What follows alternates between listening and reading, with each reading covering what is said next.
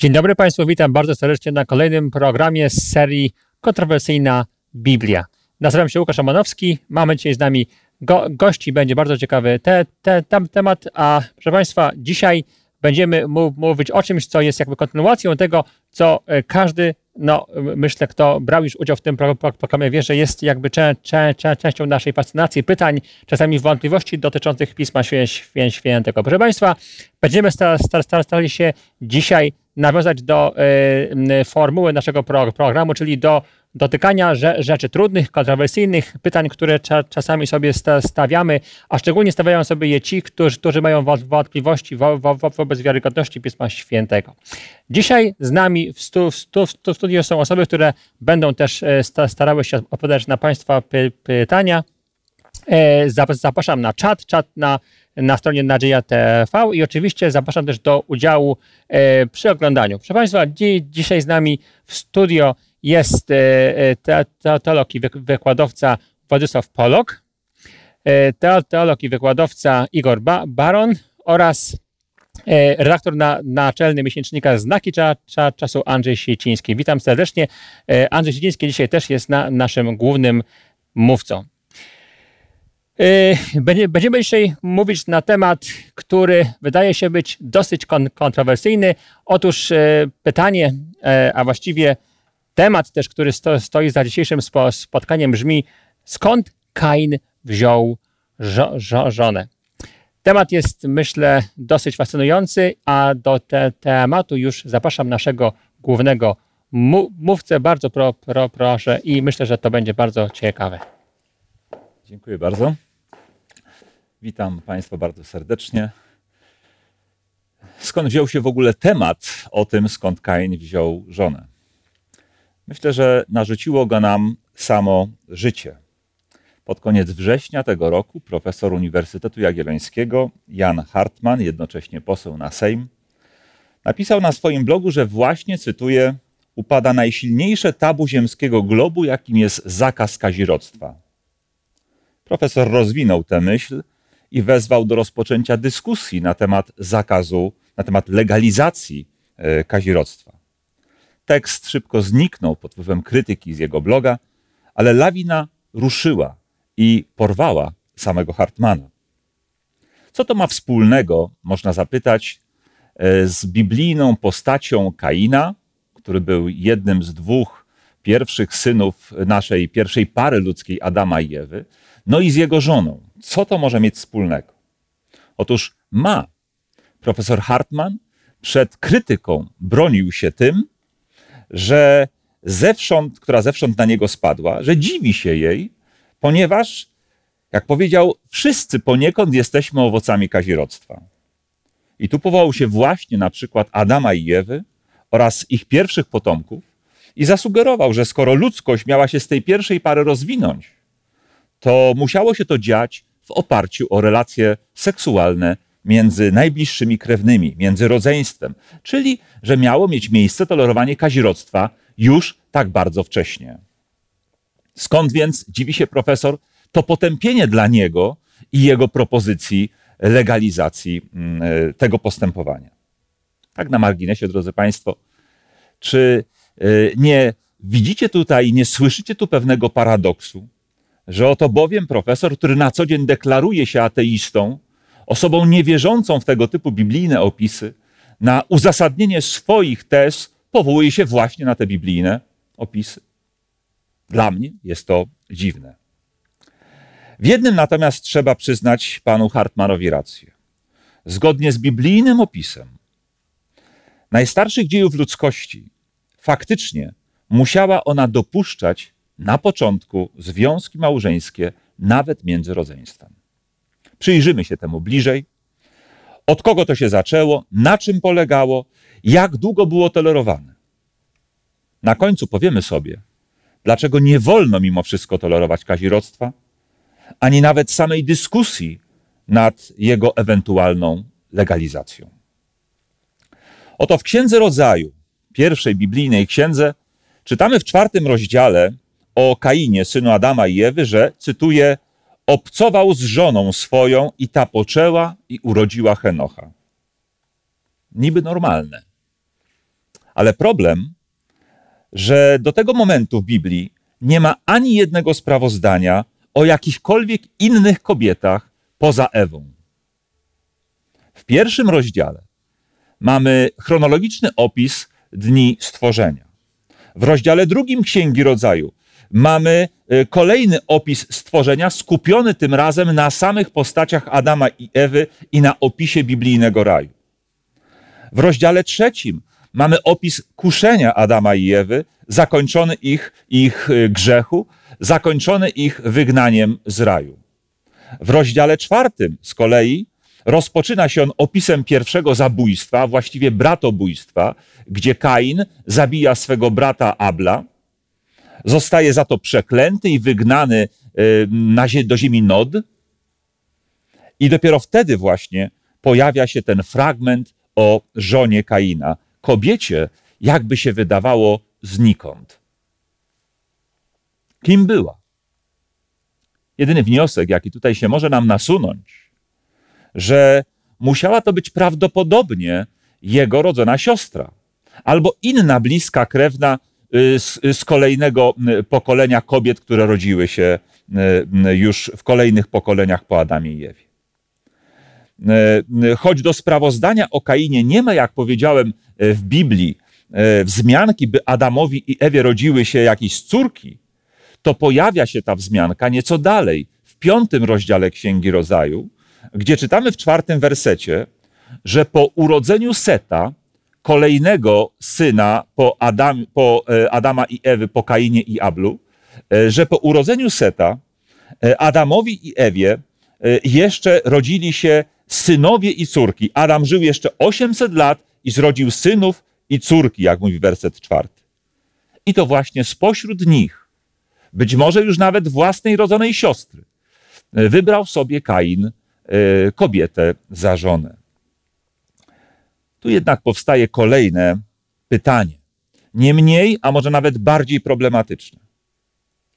A mianowicie, czy Bóg, stwarzając ludzi, zaplanował na samym początku kazirodztwo jako sposób na wypełnienie jego polecenia rozradzajcie się i rozmnażajcie i napełniajcie ziemię? Odpowiedź jest jasna. Nie ma innego wyjścia. Praktyka małżeństw między bliskimi krewnymi w, dru w drugim pokoleniu ludzkości była koniecznością. W trzecim pokoleniu małżeństwa mogły być zawierane między kuzynami pierwszego stopnia, a w czwartym pokoleniu między kuzynami drugiego stopnia. Tak czy inaczej, ta praktyka od samego początku wchodziła w grę. No ale przecież może powiedzieć uważny czytelnik Pisma Świętego, słuchacz tego wykładu, przecież kazirodztwo nie na darmo się tak nazywa. Samo słowo pochodzi od zbitki dwóch słów: kazić i rodzić. Kazić to oznacza oddziaływać na kogoś lub na coś w sposób niszczący, szkodliwy. Zakaz kazirodztwa ma swoje głębokie medyczne uzasadnienie. Dzieci z takich związków są w znacznie większym stopniu narażone na choroby genetyczne. Żeby człowiek zapadł na chorobę genetyczną, zazwyczaj jakiś konkretny rodzaj genu determinującego tę chorobę musi u dziecka wystąpić podwójnie, a więc musi go mieć od ojca i od matki. Jeśli ojciec i matka są ze sobą ściśle spokrewnieni, a właśnie u ludzi spokrewnionych występują podobne geny, to u takich dzieci to prawdopodobieństwo jest dużo większe niż u osób niespokrewnionych ze sobą, niż u dziecka pochodzącego od pary ze sobą niespokrewnionej. A więc zakaz kazirodztwa, powtórzę, ma głębokie uzasadnienie medyczne i właśnie dlatego kazirodztwo nazywa się kazirodztwem. Czyżby więc fakt, że Bóg, po, y, że Bóg na początku dopuścił związki seksualne, związki małżeńskie między bliskimi krewnymi, oznacza, że Bóg akceptuje praktyki kazirodcze? Nie. Absolutnie nie. Ponieważ kazirodztwo nie od początku nim było. Nie od razu związki między bliskimi krewnymi prowadziły do niebezpieczeństwa skażonych narodzin. Nie bez znaczenia dla tego faktu jest, że na samym początku Biblia opisuje, że gdy, e, że gdy Bóg stworzył ludzi, stworzył świat, ludzi, to wszystko, co uczynił, było bardzo dobre. Możemy zresztą o tym e, czytać właśnie w pierwszym rozdziale e, Księgi Rodzaju. Wszystko, co Bóg stworzył, było bardzo dobre. W związku z tymi para ludzka, Adam i Ewa, byli w sensie również i fizycznym, zdrowotnym bardzo dobrzy. Trudno więc przypuszczać, żeby były w nich geny determinujące chorobę, które mogły się przenosić na, e, na ich dzieci.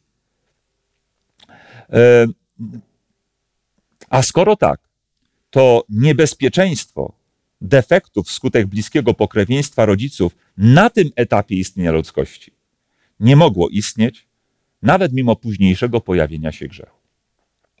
Taka sytuacja dopuszczanych przez Boga e, relacji seksualnych między bliskimi krewnymi, ona jeszcze trwała dłuższy czas. Jeszcze po potopie patriarcha Abraham poślubił swoją przyrodnią siostrę Sarę. Czytamy o tym w Księdze Rodzaju w 20 rozdziale i 12 wersecie. Abraham mówi tam o swojej żonie: Ona jest naprawdę siostrą moją. Jest córką ojca mojego, choć nie córką mojej matki. Pomimo to została moją żoną. Jeszcze w XV wieku przed Chrystusem, w czasach Mojżesza, gdy Izraelici byli w Egipcie, powszechną praktyką w egipskiej rodzinie królewskiej były małżeństwa między rodzeństwem. Na przykład Hatshepsut poślubiła swego przyrodniego brata faraona Tutmozisa II. Pośród Izraelitów w tamtym czasie było podobnie. Czytamy w szóstym rozdziale Księgi Wyjścia, że Amram pojął za żonę Jochebet, ciotkę swoją, ta zaś urodziła mu Arona i Mojżesza.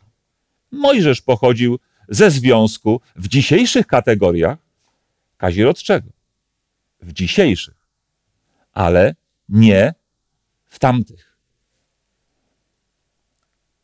Jednak z czasem Bóg kazirodztwa zakazał. To, co niegdyś było dopuszczalne z konieczności za Mojżesza, jako prawodawcy izraelskiego, zostało zakazane. Ówczesnym e, zostało zakazane. Czytamy o tym e, w Księdze Kapłańskiej w 18 rozdziale. Pojawia się tam zakaz związków seksualnych, między innymi z rodzicami, rodzeństwem, przyrodnim rodzeństwem, dziećmi, wnukami, ciotkami, wujkami, zięciami, synowymi, e, e, a więc bardzo tam przepisy 18 e, rozdziału bardzo szczegółowo wyliczają, możecie Państwo sprawdzić. Nazwano wtedy ten, ten zakaz zakazem odsłaniania nagości swojego krewnego w szóstym rozdziale, osiemnastego rozdziału czytamy, nikt nie będzie się zbliżał do swojego krewnego, by odsłaniać jego nagość. I kolejne wersety wymieniają właśnie kategorie owych e, bliskich krewnych. W jaki sposób Biblia uzasadnia wprowadzenie tego zakazu? Otóż ówczesnym uzasadnieniem tego zakazu było wybranie Izraela jako narodu powołanego do świętości, dodawania innym narodom, okolicznym, pogańskim, przykładu owej świętości, przykładu przestrzegania wzniosłych standardów moralnych, ale też zapewne przykładu zdrowia, dobrej fizycznej kondycji, by te narody widziały, że Bóg bardzo wyraźnie temu narodowi błogosławi. Izraelici mieli się odróżniać od innych narodów, a trzeba wiedzieć, że w starożytności na Bliskim Wschodzie istniały rozmaite kulty bogiń płodności, które przewidywały i niemal oczekiwały od, e, od e, członków tych narodów, wiernych tych bogiń, by e, no, oddawano się w akcie religijnym, na przykład prostytucji sakralnej. W Izraelu żadnych takich praktyk nie miało być. Prostytucji sakralnej, która mogła obejmować również członków najbliższej rodziny. Żadnych takich rzeczy w Izraelu nie miało e, e, być. Izrael miał stać się światłością pogan dla ich zbawienia, jak mówi e, księga Izajasza w 49 rozdziale 6 wersecie. To było religijne uzasadnienie tego zakazu kazirodztwa. Ale dzisiaj moglibyśmy do niego do, dodać jeszcze uzasadnienie medyczne, o którym już powiedziałem. Wprowadzając zakaz kazirodztwa, Biblia nie wspomina owego medycznego uzasadnienia wprost. I zresztą nie ma się co dziwić. Przecież i tak by nikt wtedy nie zrozumiał, gdyby Bóg chciał im tłumaczyć niebezpieczeństwa gwad genetycznych, które się mogą pojawić przez skojarzenie się pewnych genów. Nikt by takiego języka ówcześnie nie zrozumiał. Jednak nieobecność wprost uzasadnienia e, medycznego nie znaczy, że go nie było. Pojawia się ono nie wprost, nie bezpośrednio. Jak powiedziałem, w 18 rozdziale 6 wersecie można było przeczytać, że nie wolno teraz e, odsłaniać nagości krewnego, ale już piąty werset czytamy w nim następujące słowa. Przepisów moich, takie wprowadzające ów zakaz, przepisów moich i praw moich przestrzegajcie. Człowiek, który je wykonuje, żyje przez nie. Posłuszeństwo prawom Bożym, w tym zakazowi yy, kazirodztwa, daje życie, chroni życie. Jest w tym głęboka myśl, y, to ukryte, y, pośrednie uzasadnienie medyczne. Podobnie w innym miejscu Mojżesz mówi do Izraela, aby przestrzegał, cytuję, przykazań Pana i Jego ustaw, które ja Ci dziś nadaję dla Twojego dobra.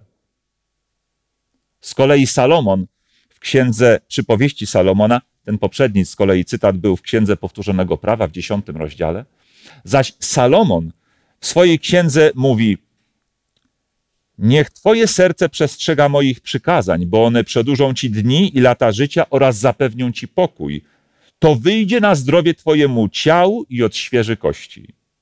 Rozdział trzeci, wersety 1 do 2 i werset 8.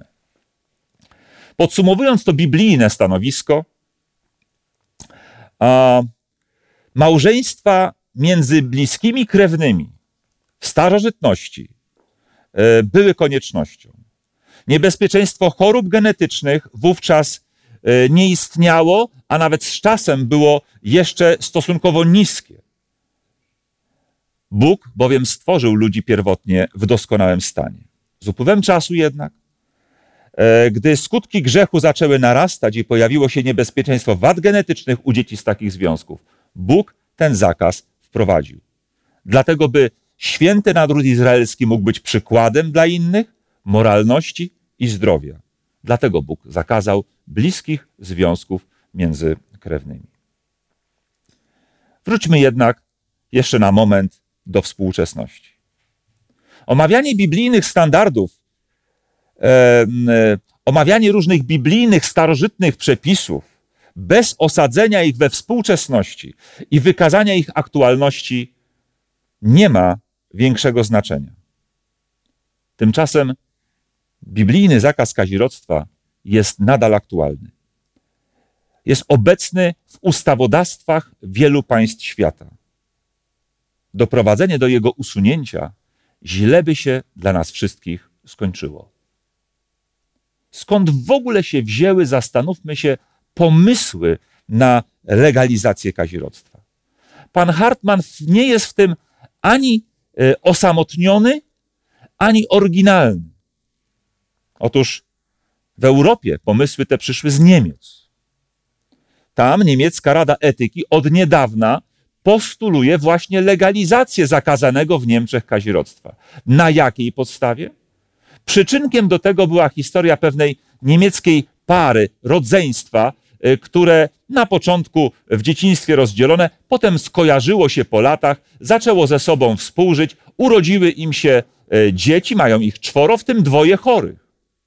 Mężczyzna w tym związku nawet spędził z tego powodu bodaj cztery lata y, w więzieniu. Opinia niemiecka, opinia publiczna była tym faktem poruszona, ale uwaga, nie faktem tego, że rodzice z kazirodczego związku rodzą chore dzieci, ale faktem, że prawo im tego zabrania. No i niemiecka Rada Etyki postanowiła wyjść im naprzeciw, pomóc zmienić los tej pary i zaczęła postulować legalizację e, kazirodztwa.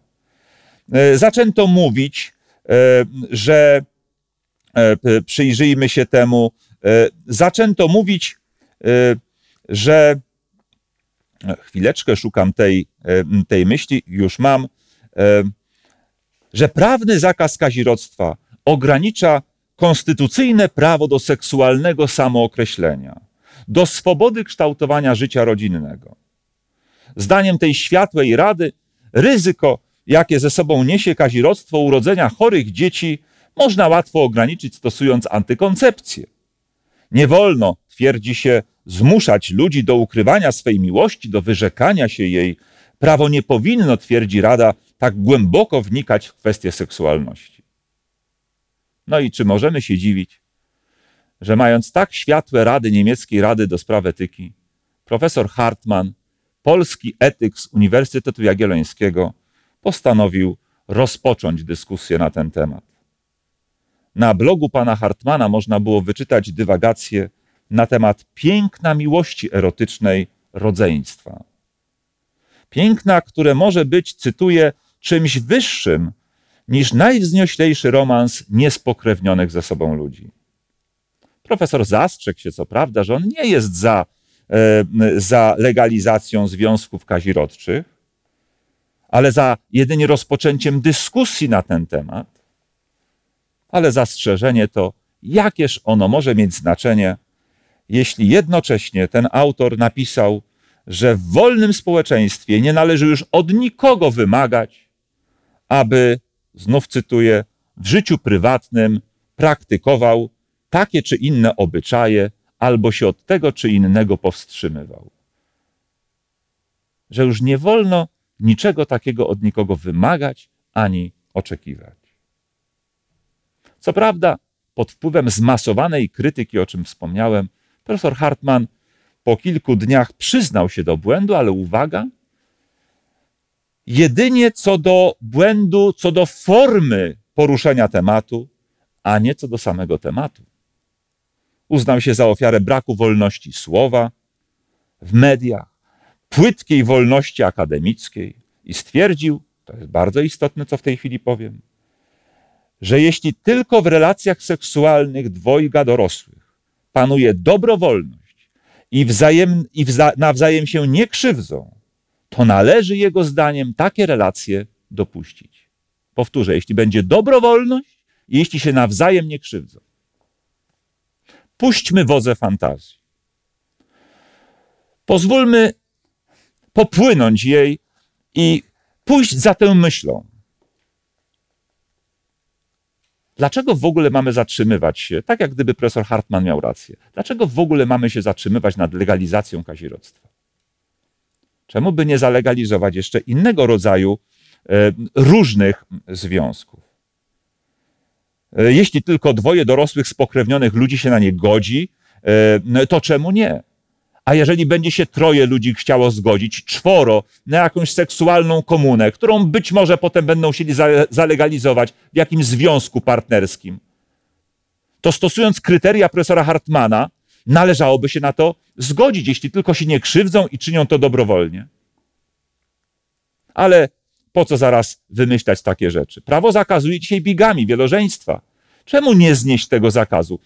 Założę się, że znalazłyby się dzisiaj E, e, osoby w naszym państwie, e, dla których nie byłoby to w tym żadnej krzywdy i które dobrowolnie chciałyby takie wielożeństwo dopuścić w swoich relacjach. Zdanie profesora już znamy. Czemu by im nie pozwolić?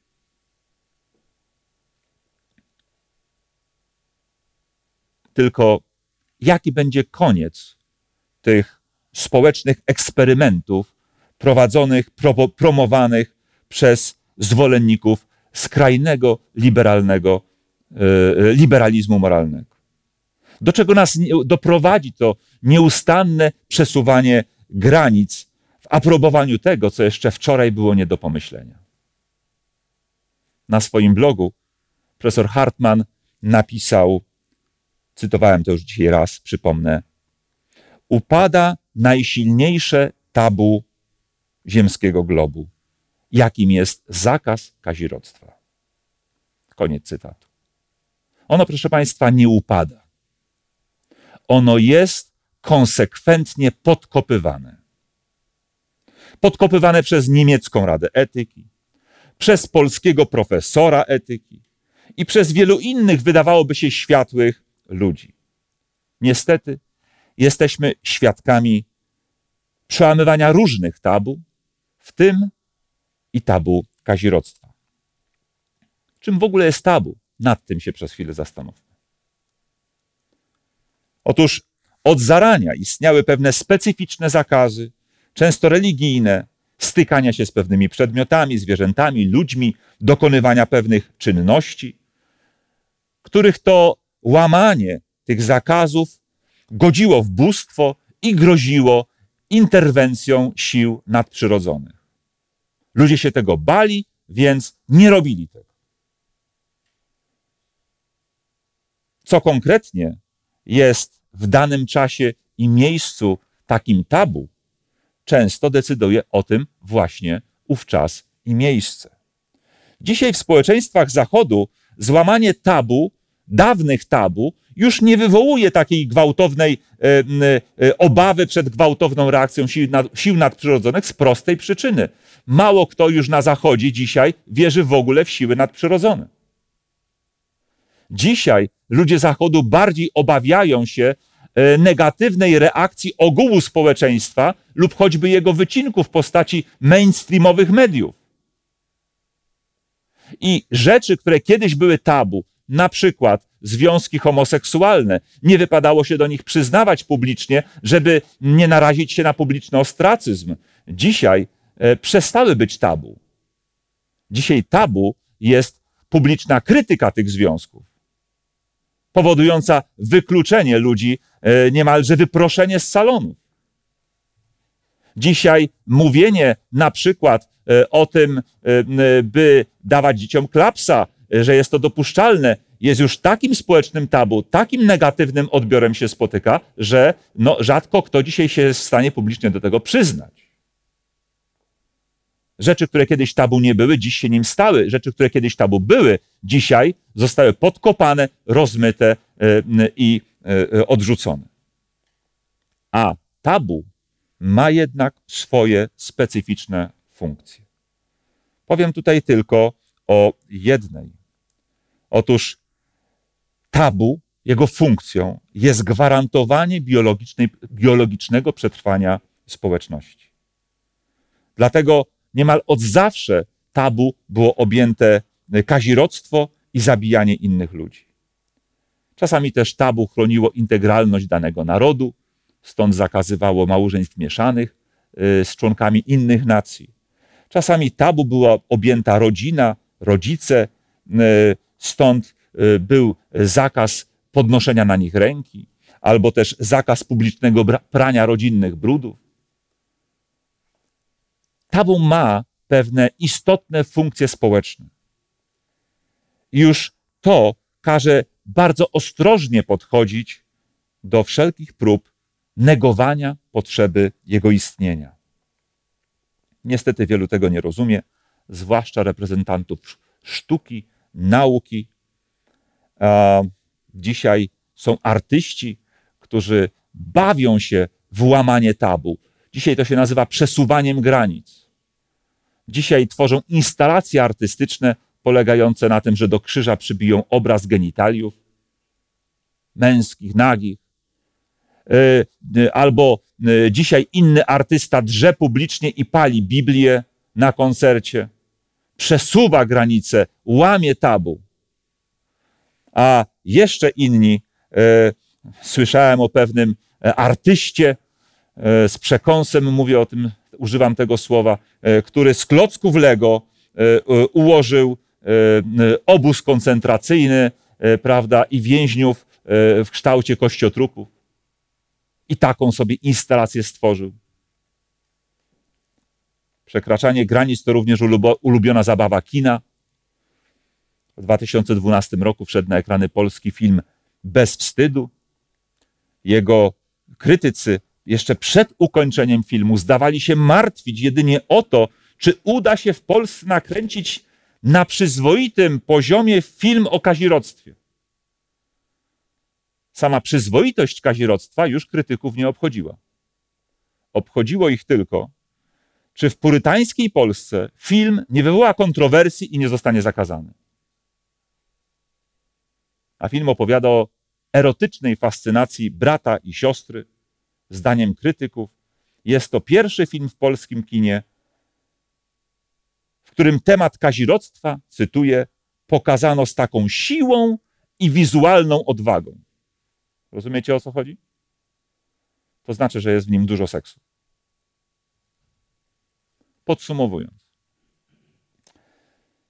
Żona Kaina, jak widzicie, sprowokowała nas do przyjrzenia się biblijnej y, ocenie praktyki małżeństw między bliskimi krewnymi. Od jej początkowej akceptacji do późniejszego zdecydowanego odrzucenia jako kazirodztwa.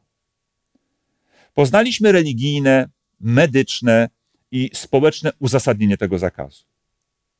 Sporo miejsca poświęciliśmy współczesnym próbom oswajania kazirodztwa i niebezpieczeństwom, jakie to ze sobą niesie. Ale skoro zaczęliśmy od profesora Hartmana, to nim skończmy. Nie wierzę, by w najbliższej przyszłości miała się w Polsce rozpocząć dyskusja nad legalizacją tego procederu.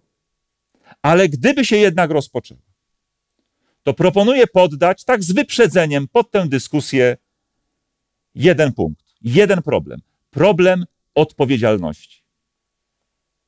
Kto mianowicie, pytam, będzie odpowiedzialny za rodzenie się ze związków kazirodczych dzieci z chorobami genetycznymi? Wychodzi na to, że odpowiedzialne będzie państwo, które by na to pozwoliło.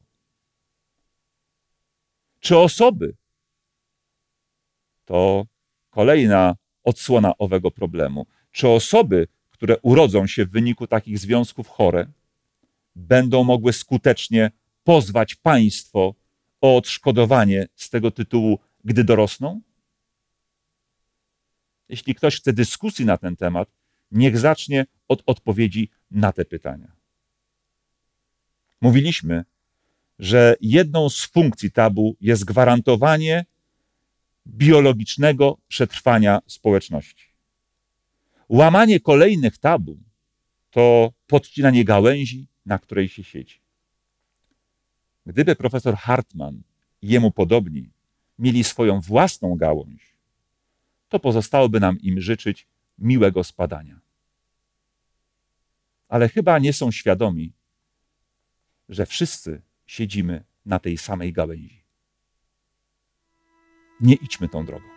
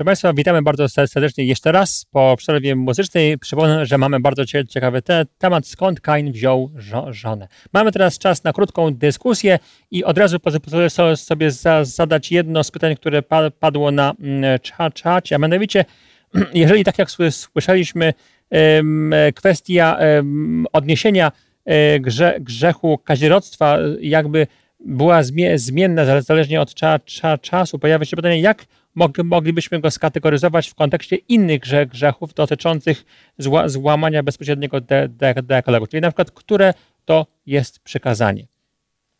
Bardzo pro, pro, proszę o, o, odpowiedź. Tutaj możemy wspomnieć, dlatego że różne e, formy przestępowania Bożych zasad e, wspomniane zostało wielożeństwo i wiele innych.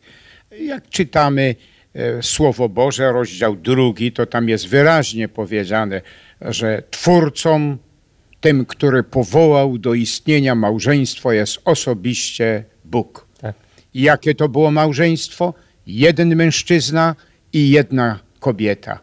E, to może nie rozwiązuje problemu od razu kazirodztwa oczywiście, ale rozwiązuje wszelkie inne formy e, no, znieważania małżeństwa, przestępowania małżeństwa itd. Tak e, czy to jest zasada tylko zdrowotna, czy jest moralna? Jeżeli ja narażam społeczeństwo na różne przykre konsekwencje, no a kazior, kazirodztwo to, to czyni. No to czy to jest moralne, że ja coś takiego oczywiście wprowadzam, coś takiego czynię, co naraża społeczeństwo na, na deprawację, na, na choroby i wszystko inne, co się z tym łączy. Jest to zagadnienie moralne. Nie jest to zagadnienie tylko i wyłącznie e, prozdrowotne, ale z, e, również moralne. A e, przedmiotem ochrony, e, e, które, które przedmiotem ochrony w przykazaniu nie cudzołóż jest sfera seksualna mhm. człowieka, mhm. która według Biblii jest dopuszczalna, jej realizowanie tylko i wyłącznie w małżeństwie. Tak. A więc w pewnym sensie wszystko, co dotyka tej sfery, jest, jest tutaj zakazane. I chcę zwrócić uwagę, że chociaż przykazanie mówi nie cudzołóż, to jednak przykład Jezusa, choćby skazania na górze, pokazuje, że przykazania Boże należy interpretować rozszerzająco, mhm. a nie zawężająco. E, przykładowo Jezus powiedział, słyszeliście, że wam pokazano nie cudzołóż, a ja wam powiadam, że ktokolwiek spojrzał na kobietę i pożądał jej w sercu swoim, już z nią cudzołożył. Tak. To jest przykład szerokiego, rozszerzającego interpretowania. Zawężająco interpretując przekazanie nie cudzołóż, można by przypuszczać, że cudzołożyć to znaczy e, spać e, z, z inną kobietą w cudzym łóżku, mhm. prawda? Ale już we własnym takim cudzołóstwem mogłoby nie być tak. w tej zawężającej e, interpretacji. W tym, e, e, z tego punktu widzenia patrząc, związki kazirodcze ewidentnie są złamaniem przykazania nie cudzołóż, mhm. ponieważ obejmują szereg praktyk godzących w prawidłowy, mhm. nakreślony przez, w prawidłową, nakreśloną przez Boga tę sferę realizowania seksualności ludzkiej. Tak. Tylko w związku małżeńskim między mężczyzną i kobietą ze sobą niespokrewnionymi, bo Adam i Ewa ze sobą spokrewnieni nie byli, aczkolwiek powiedziałem na początku, że w mhm. początkowym okresie, gdy to jeszcze nie groziło negatywnymi konsekwencjami zdrowotnymi, Bóg tę sferę relacji seksualnych jeszcze dopuszczał, ale kiedy zaczęło grozić, zakazał. Ten argument, y, wydaje mi się, o kwestii szkodliwości, czy, czy dla jednostki, czy dla społeczeństwa, jest rzeczywiście bardzo przekonujący, bo to pokazuje dosyć klarownie obraz Boga, Boga który jednak ma do, dobry plan dla, dla, człowieka i chce go ochronić przed tym, co, co jest złe. I przecież taki też jest, wydaje się, fu, fundament dziesięciu przykazań. Tak, bardzo, bardzo proszę znaczy może nie wszystkie, zdecydowana większość przykazań dotyczą dobroci, znaczy jakby Pan Bóg y, y, dba o dobroć człowieka, prawda? Żeby człowiekowi było do, dobrze. Y, chroni człowieka. I tak samo chroni społeczeństwo. Więc w tym momencie, widząc tą intencję Boga w nad- nadawaniu przykazań, to tak samo widzimy, że, że, że tu, jak kiedy Pan Bóg mówi, słuchaj, w Twoim narodzie już tego nie rób, dlatego że to, to, to Tobie szkodzi. I w tym momencie to, to też nabiera znaczenia już moralnego. Też. Y, Dlatego, że, że tak samo jak mówimy nie cudzołóż, tak, to dba o, o, o czystość y, małżeńską dla dobra człowieka, dla, do, dla, dla dobra tego społeczeństwa, tak samo, tak samo to przykazanie. Y, oczywiście nie ma takiej rangi jak, jak przykazania, jak dziesię- dziesięcioro przykazań, ale, ale y, jak patrzymy y, dzisiaj, to cały czas nie tyle, że, że tak samo się dzieje, jak było w Izraelu, nawet możemy powiedzieć, że dzisiaj o wiele bardziej może doty, dotykać naszego społeczeństwa, tak, jeżeli takie związki będą częstsze, y, niż było wtedy w Izraelu, kiedy, kiedy ludzie wtedy byli bardziej zdrowi może, y, prawda, y, genetycznie byli, byli oczywiście bardziej Tak, tak. odporniejsi, zgadza się, więc, więc tym bardziej dzisiaj, więc, więc dlatego uważam, że, że mm, powinniśmy może, y, może trochę za, za bym powiedział, ale, ale, ale powinniśmy po, rozpa, rozpatrywać tą kwestię y, w ogóle y, zagadnienia kazirodztwa właśnie w, też w znaczeniu moralności. Tak, ja myślę, że y, dostaliśmy dosyć klarowną odpowiedź, że ewidentnie kwestia kaciorostwa jest złamaniem de, dekalogu. To widać, pra, pra, pra, prawda, że jest to jednak grzech, y, bo przecież też jakby tak, taki był za, zamiar siódmego przekazania. Bardzo proszę krótko. Ja krótko tylko powiem, że w kazaniu na górze, kiedy Jezus Chrystus mówił e, na temat cudzołóstwa, wszeteczeństwa, tam użył takiego słowa, znaczy w oryginale jest pornoja. A pornoja to nie tylko oznacza Tak. takie cudzołóstwo, że, że ścisłym tego słowa znaczeniu. ścisłym słowa tego znaczeniu, że, że coś poza tym, co wolno mi z żoną, ale wszelkie wypaczenia, y, wypaczenia w Sfery dziedzinie seksualności y, właśnie y, mieszczą się w tym słowie pornoja. I dlatego też wszelkie wypaczenia, zgodnie z słowami Chrystusa, są złem, są wypaczeniem, są czymś, co nazywamy pornoja. Od tego między innymi pochodzi słowo pornografia, Tak, która też jest wypaczeniem właściwego związku małżeńskiego. To bardzo ciekawa uwaga, bo to rzeczywiście pokazuje, że kwe, kwestia mor- moralności czło- człowieka, zła, złamania siódmego przekazania jest znacznie głę- głębsza niż mogłoby się to nam rzeczywiście wy, wydawać. No i kwe, kw- kwestia tego, co dzisiaj też słyszeliśmy podczas wy- wykładu, że jest to o wiele głębszy problem, bo kwestia kazirodztwa, e, e, którą się podnosi w kontekście e, właśnie Kai- Kaina, no jakby tego skąd, skąd się wzię, wzięli przo- przodkowie człowieka i jak się ro- rozszerzali, jest, jest jakby rzeczą głębszą, bo też wska- wskazuje na to, na moralność dzi- dzisiejszą, prawda? Kwe, kwestie zwią- związków homoseksualnych, y, no wiele innych rze- rzeczy, które jeszcze do niedawna stanowiły jakby, no nikt nie, nie podejmował dyskusji. Dzisiaj się o tym do, do, dosyć rzeczywiście otwarcie dys, dyskutuje i przesuwa się coraz bardziej rzeczywiście te gra, granice etyczne. Jeszcze dwa króciutkie pytania pozwolę sobie zadać. Myślę, że jedno będzie dosyć ciekawe, chociaż chyba nie będzie trudno na nie odpowiedzieć. Otóż, jeżeli ktoś e, żyje w związku kazirodczym e, i nie ma świadomości, że jest to zło mo- moralne, nawet je- jeżeli się urodzą z tego związku dzie- dzie- dzieci, ktoś się pyta, co zrobić wtedy, kiedy te osoby dow- dowiedzą się o tym, że w takim związku żyją? Ktoś się uświadomi, że, że grze, grzeszą? Czy powinny się ro, rozstać? E, Jak po, powinny w takim razie za, zareagować? Trudno rozpatrywać to pytanie e, jako tylko i wyłącznie przykład akademicki. Mhm. Jeśli zadane po polskim, po wykładzie po polsku i w Polsce, prawda, e, to mogę sobie wyobrazić taką sytuację, jak chociażby m, e, rodzeństwa rozdzielonego we wczesnym dzieciństwie, które o Mhm. sobie nie wiedziało, właśnie jak na przykładzie Mhm. niemieckim, prawda, Mhm. zaczęło ze sobą potem, pokochało się, zaczęło Mhm. ze sobą współżycie, a dopiero potem się dowiedziało, że są rodzeństwem. Zgodnie z prawem polskim e, powinni e, natychmiast przestać ze sobą e, współżyć, Mhm. e, dlatego że to jest po prostu przestępstwem Przestępstwo. względem polskiego prawa i prawa większości cywilizowanych państw świata. Tak. To jest przestępstwo. Jeśli nie chcą pójść do więzienia, powinni natychmiast przestać. No jeśli pra, prawo, pra, prawo, chociażby prawo polskie tak mówi, no to myślę, że Nie raczej nie... o tym, nie, jeżeli po drodze doszło w ogóle do małżeństwa, ktoś nie doszukał się, prawda, w papierach, że byli rodzeństwem, a to wyszłoby na jaw. Z tego co pamiętam, jest to z, jedna z przyczyn unieważnienia, nie rozwodu, Mhm. unieważnienia takiego związku małżeńskiego. Jeszcze e, mamy czas na ostatnie krótkie pytanie. E, Pozwolę sobie mm, e, też zadać takie troszkę bardziej ogólne.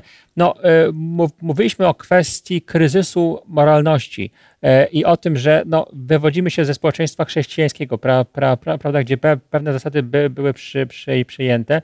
Pojawia się w takim razie py- pytanie, kto dzisiaj po, powinien kre, kre, kreować te zasady etyczne i pewne gra, granice, bo nie powinni tego rob, robić artyści, którzy je w jakiś spo- sposób ro, rozmiękczająco, słyszeliśmy e, w, w, w wykładzie, czy też może autorytety, e, e, które w jakiś sposób przez swoje uwagi, blogi, czy też artykuły zmieniają to. Więc pytanie, kto powinien dzi, dzi, dzisiaj w tym do, dosyć zaświadczonym spo, społeczeństwie wciąż bu, budować no, te, te granice i, i, i mówić, poza pewne granice wyjść nie powinniśmy, czyli te podstawy etyczne. Uważam, że tym najwyższym kryterium jest to, co powiedział Bóg, a to zawarte jest w Słowie Bożym. A więc pierwsza odpowiedzialność za to jest tych, którzy, no, nazwijmy ich teologami duchowymi, y, którzy powołani są do tego, aby przede wszystkim propagować to, co jest w Piśmie Świętym zapisane jako coś ważne, niezmienne, chociaż nie tylko, ale przede wszystkim w pierwszej kolejności na nich ta odpowiedzialność spoczywa. I dlatego też no, mm, pytanie było, kto przede wszystkim powinien.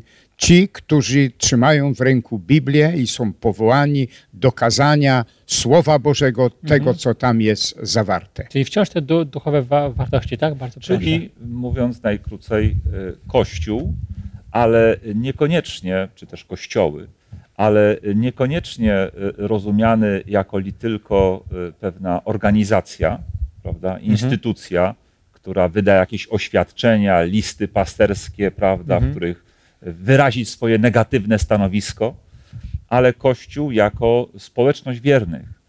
E, Każdy wierny winien w tej kwestii sam być nośnikiem tego e, przesłania, że pewne zachowania są niedopuszczalne.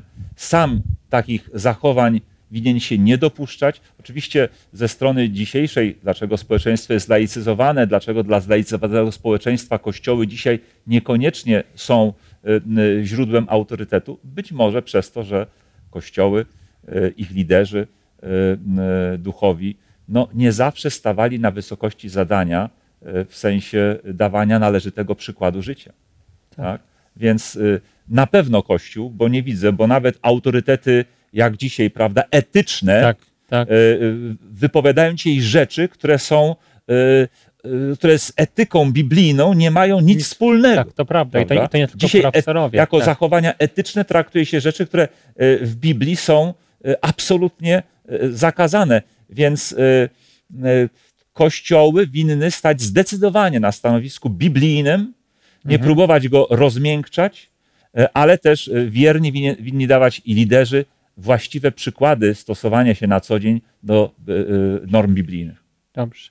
Dziękuję ba, bardzo. Musimy kończyć. Nasz czas e, dobiega końca. Już a propos tej e, wypowiedzi, rzeczywiście no, był taki przypadek, że jeden z, ko, z kościołów bardzo licznych w Stanach Zjednoczonych, kiedy doszło do pewnego dosyć kontrowersyjnego aktu, kiedy na biskupa wy- wybrano osobę, która żyje w związku no, homoseksualnym, e, po zostawieniu swojej żo, żony z dwójką dzie, dzieci, ten kościół rzeczywiście się po, podzielił i to była jakby taka wy, wypowiedź wie, wierzących wyznawców tego ko, ko, kościoła, którzy stworzyli jak, jakby swoje oddzielne, dosyć e, liczne cia, cia, cia, ciało, więc rzeczywiście wydaje się, że to jest odpowiedź.